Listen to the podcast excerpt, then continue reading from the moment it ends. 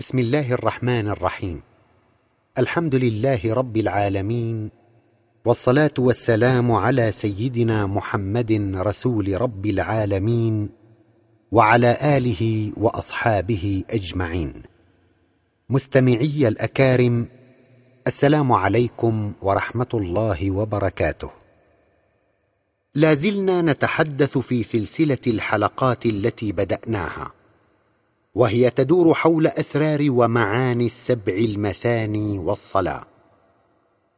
في الحلقات السابقة أنهينا حديثنا في تأويل السبع المثاني وبدأنا في شرح ما يتلو السبع المثاني من أفعال الصلاة المرتبطة بها. وفصلنا في ذلك بعض التفصيل وتعرضنا في الحديث لبعض النقاط والتساؤلات وأجبنا عنها. إلا أنه ومن تمام الفائدة قبل أن نغادر هذا الموضوع يجب علينا أن نتكلم بجمل عابرة تعرف المصلي بمعنى الفرض والواجب والسنة والمكروه تنزيها والمكروه تحريما والمبطل والمفسد. فنقول وبالله المستعان. أما وقد فصلنا في الصلاة هذا التفصيل.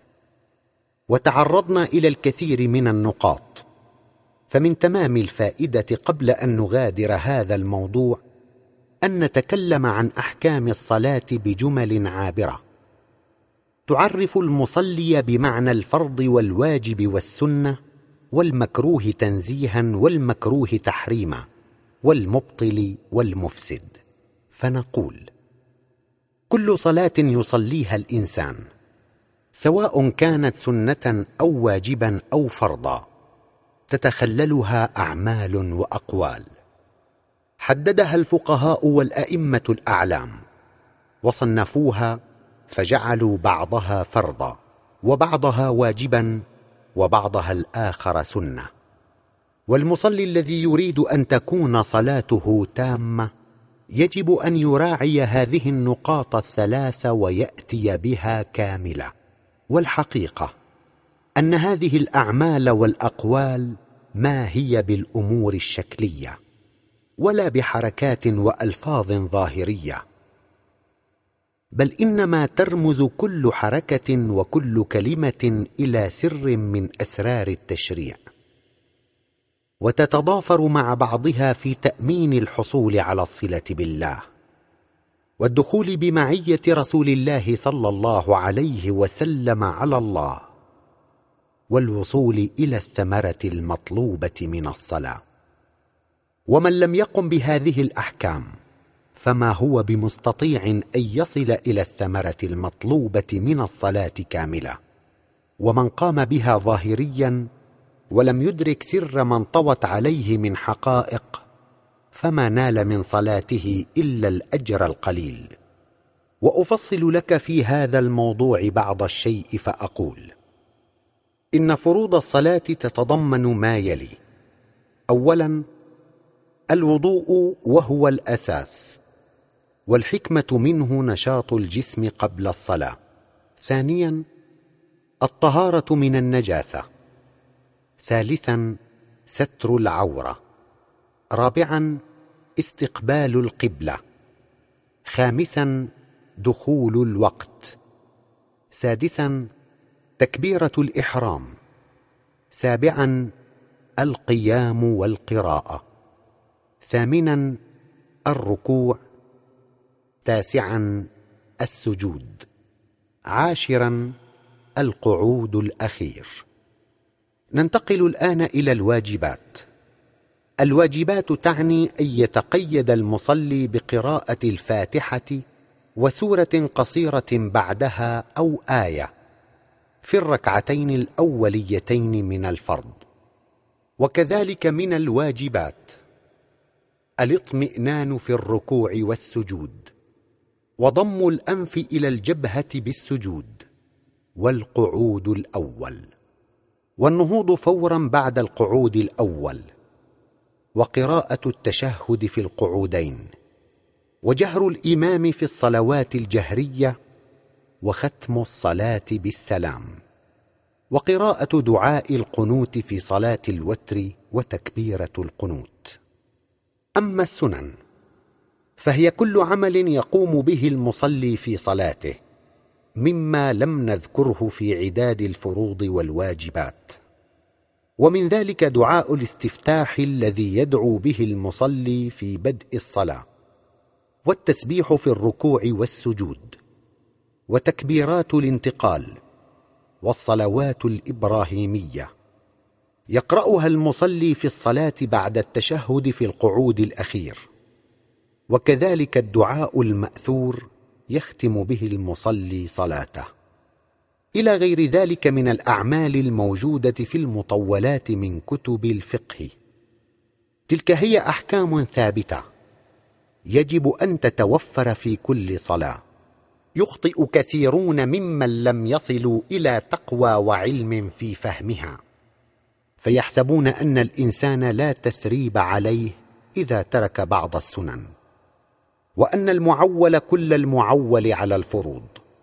والحقيقة أن السنن بالنسبة للفروض كالغمد واللحاء بالنسبة لعود الشجر وكالقشرة التي تحيط بالثمرة فتدوم الحياة في الغصن وتبقى الثمرة محفوظة. ما دام الغمد واللحاء محيطا بالغصن والقشرة سليمة مشتملة على الثمرة فإذا ما زال الغمد وانكشفت القشرة يبس الغصن وفسدت الثمرة.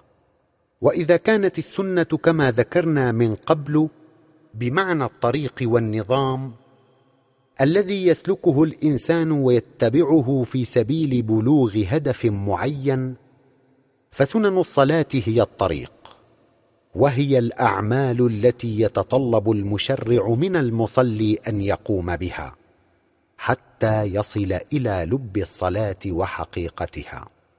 فيحصل على الصلة بربه ويتوصل إلى فهم أوامر الله ونواهيه مما يتلوه تعالى على رسوله.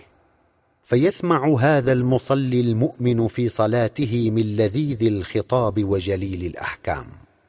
وعلى وجه المثال نقول يتعذر على المصلي أن يقرأ الفاتحة على تلك الصورة التي كنا بيناها من قبل ويصعب عليه الاستشفاع برسول الله صلى الله عليه وسلم خلال قراءة الفاتحة إذا هو لم يفتتح صلاته بدعاء الاستفتاح. وهو قوله صلى الله عليه وسلم وجهت وجهي للذي فطر السماوات والأرض حنيفا وما أنا من المشركين.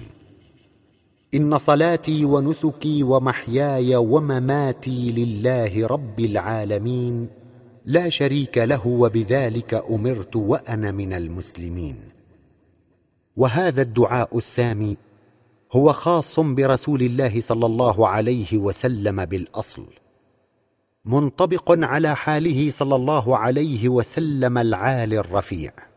فإن تمثلت نفسك به فستتحقق صلاتك الكاملة ونوره صلى الله عليه وسلم يوصلك بالله. ثم دعوت هذا الدعاء المحمدي لنفسك فذلك الخير والكمال لصلاتك القلبية الحقيقية. والتقدير لهذا الرسول الكريم صلى الله عليه وسلم. قال تعالى في سورة الأحزاب لقد كان لكم في رسول الله أسوة حسنة لمن كان يرجو الله واليوم الآخر.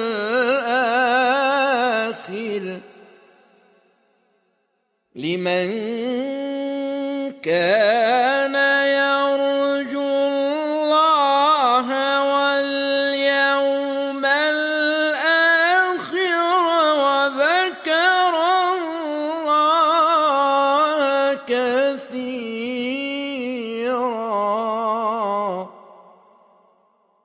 السماع من رسول الله صلى الله عليه وسلم يجب أن تسبقه طهارة وصفاء نفسي.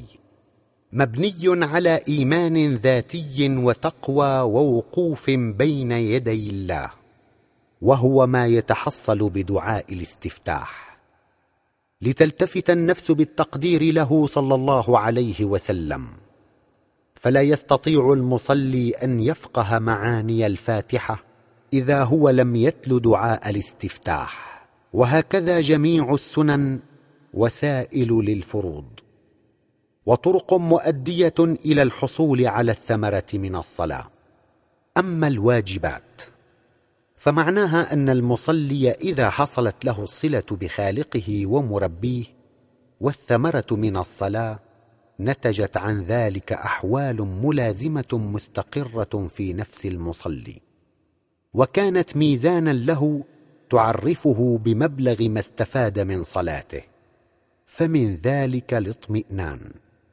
فإذا حصلت الصلة واستقرت في النفس الفائدة لازمها اطمئنان النفس في حضرة الله في الركوع والسجود. وتبع ذلك سكون الأعضاء الظاهري واستقرارها قلبا خلال هذه الفترات. فإذا خشع القلب خشعت الجوارح. وكذلك الأمر بالنسبة للقعود الأول.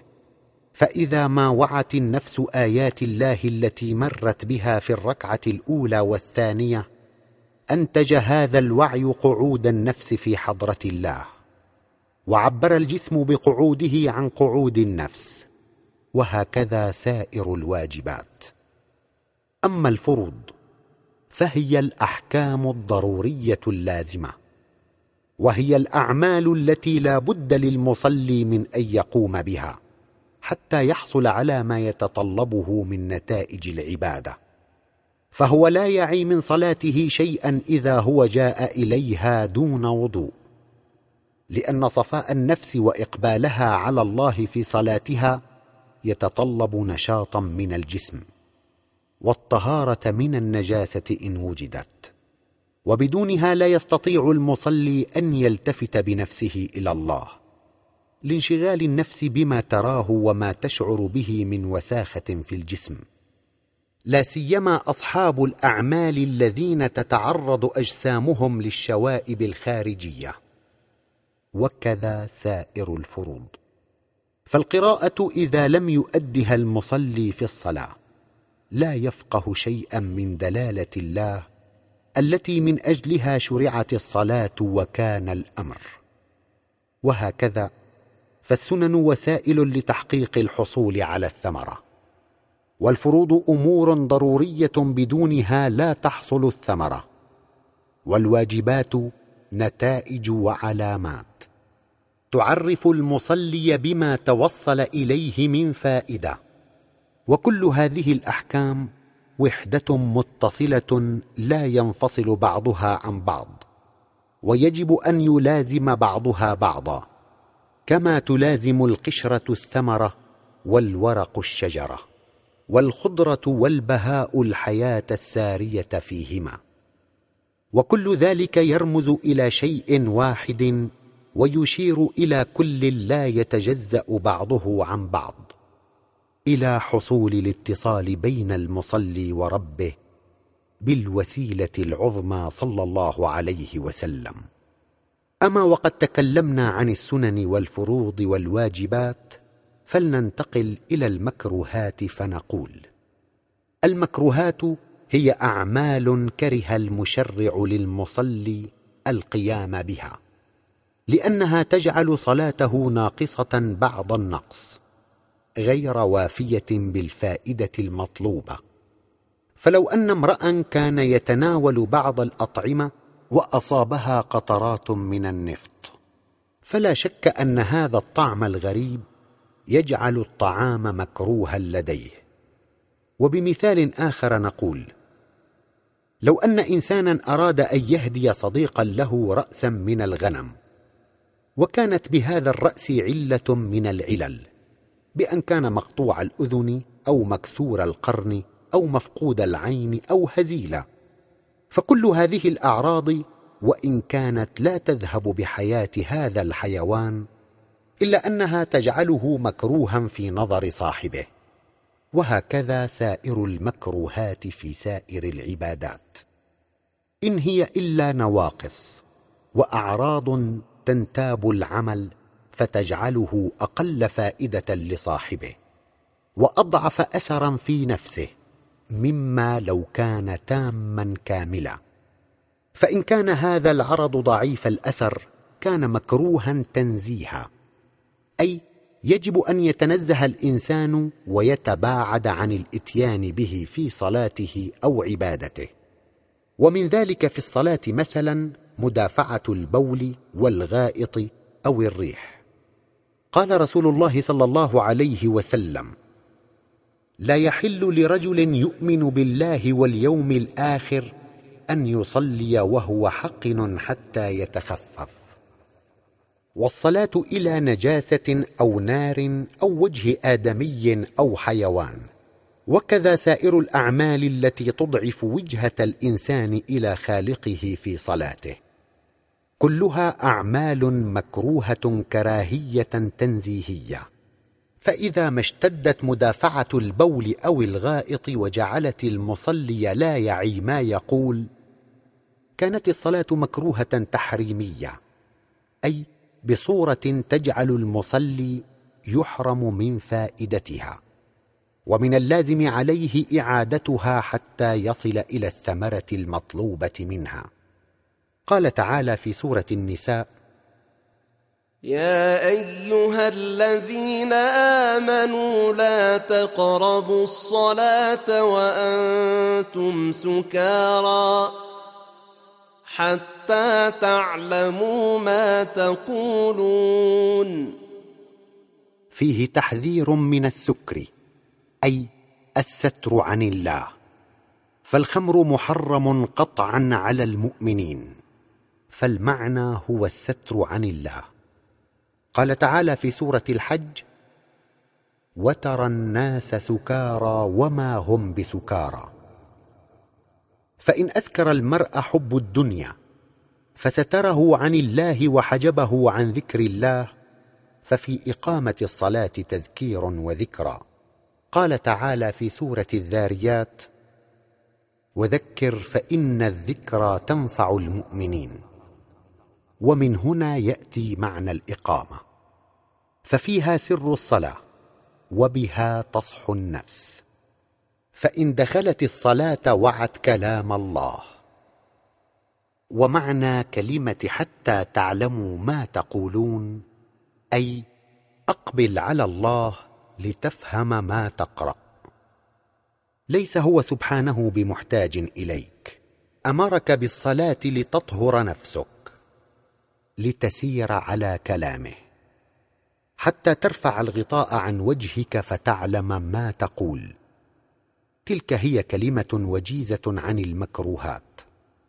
أما المفسدات والمبطلات فإنما اعمال أعمال إذا حدثت في الصلاة فإنها تقطع صلة العبد بخالقه وتحوله كل التحول عن هذه الصلة. من ذلك الضحك في الصلاة وتحويل الصدر عن القبلة والكلام ولو بكلمة واحدة إلى غير ذلك من الأعمال التي إذا فعل المصلي واحدا منها أو باشره انقطعت الصلة بينه وبين الله وتحول فكره وبطلت الصلاة كما لو تعطل المحرك في سيارة أو انكسرت إحدى عجلاتها أو انكسر الموجه فكل هذه العوارض تعطل الحركة وتعدم الاستفادة وتحول دون الوصول إلى الهدف المقصود والغاية. وكذلك سائر مفسدات الصلاة ومبطلاتها. هذا وإذا كان الأمر كما ذكرناه في المكروهات والمفسدات. وإذا كان وقوع عارض من الأعراض التي تقطع صلة الإنسان بخالقه ولو قليلا يفسد الصلاة ويبطلها. فما هو يا ترى حكم صلاة لا يعرف المصلي فيها لذة ولا طعما من الوجهة إلى الله؟ أفلا يجب عليه إعادتها؟ أفلا يجب عليه أن يبحث عن السبب؟ الذي قطع صلته بخالقه خلال صلاته ويزيله.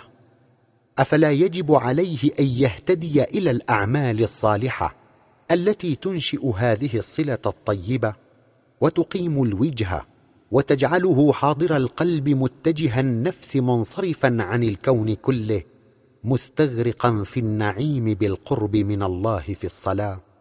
أليس ذلك هو واجب المؤمن؟ أليست تلك هي الصلاة الصحيحة؟ أوليس ذلك هو لب الصلاة وحقيقتها؟ فالاتصال والصلة بمخلوق محبب لدى الإنسان كالابن مثلا أو بطيب الطعام أو الحلوى أو الثمرات والفواكه تنشئ لذة وطعما للإنسان. فكيف هي لذة وطعم الصلة والاتصال النفسي الحقيقي بالله؟ خالقها وخالق كل جمال وروعة وبهاء وهي آثار بسيطة مما لدى الخالق الكريم ومن لم يصل تلك الصلاة المشحونة بالقرب من الخالق المليئة بالوجهة والحضور مع الله وإرشاده فما عرف من الصلاة إلا حركات وما وصل إلى حقيقة وما نال من فائدة ذات شأن وقيمة. وفي الحديث الشريف ليس للعبد من صلاته إلا ما عقل منها لكن إذا فكر الإنسان بالموت وخشي سوء المصير والتجأ لربه من خلال صنعه أي من آياته الكونية فآمن بربه. كما آمن سيدنا إبراهيم عليه السلام فإنه بإيمانه الذاتي التحقيقي يحصل على صلة وصلات بالله. تتعاظم ذكراها بالصلاة فيصلي حقيقة. وينال كل ما أوردناه عن الصلاة الحقيقية التي بها لذة ونعيم. لو ذاقها الملوك لتخلوا عن ملكهم لينالوه. فما أعظم كرم هذا الرب الكريم الرحيم.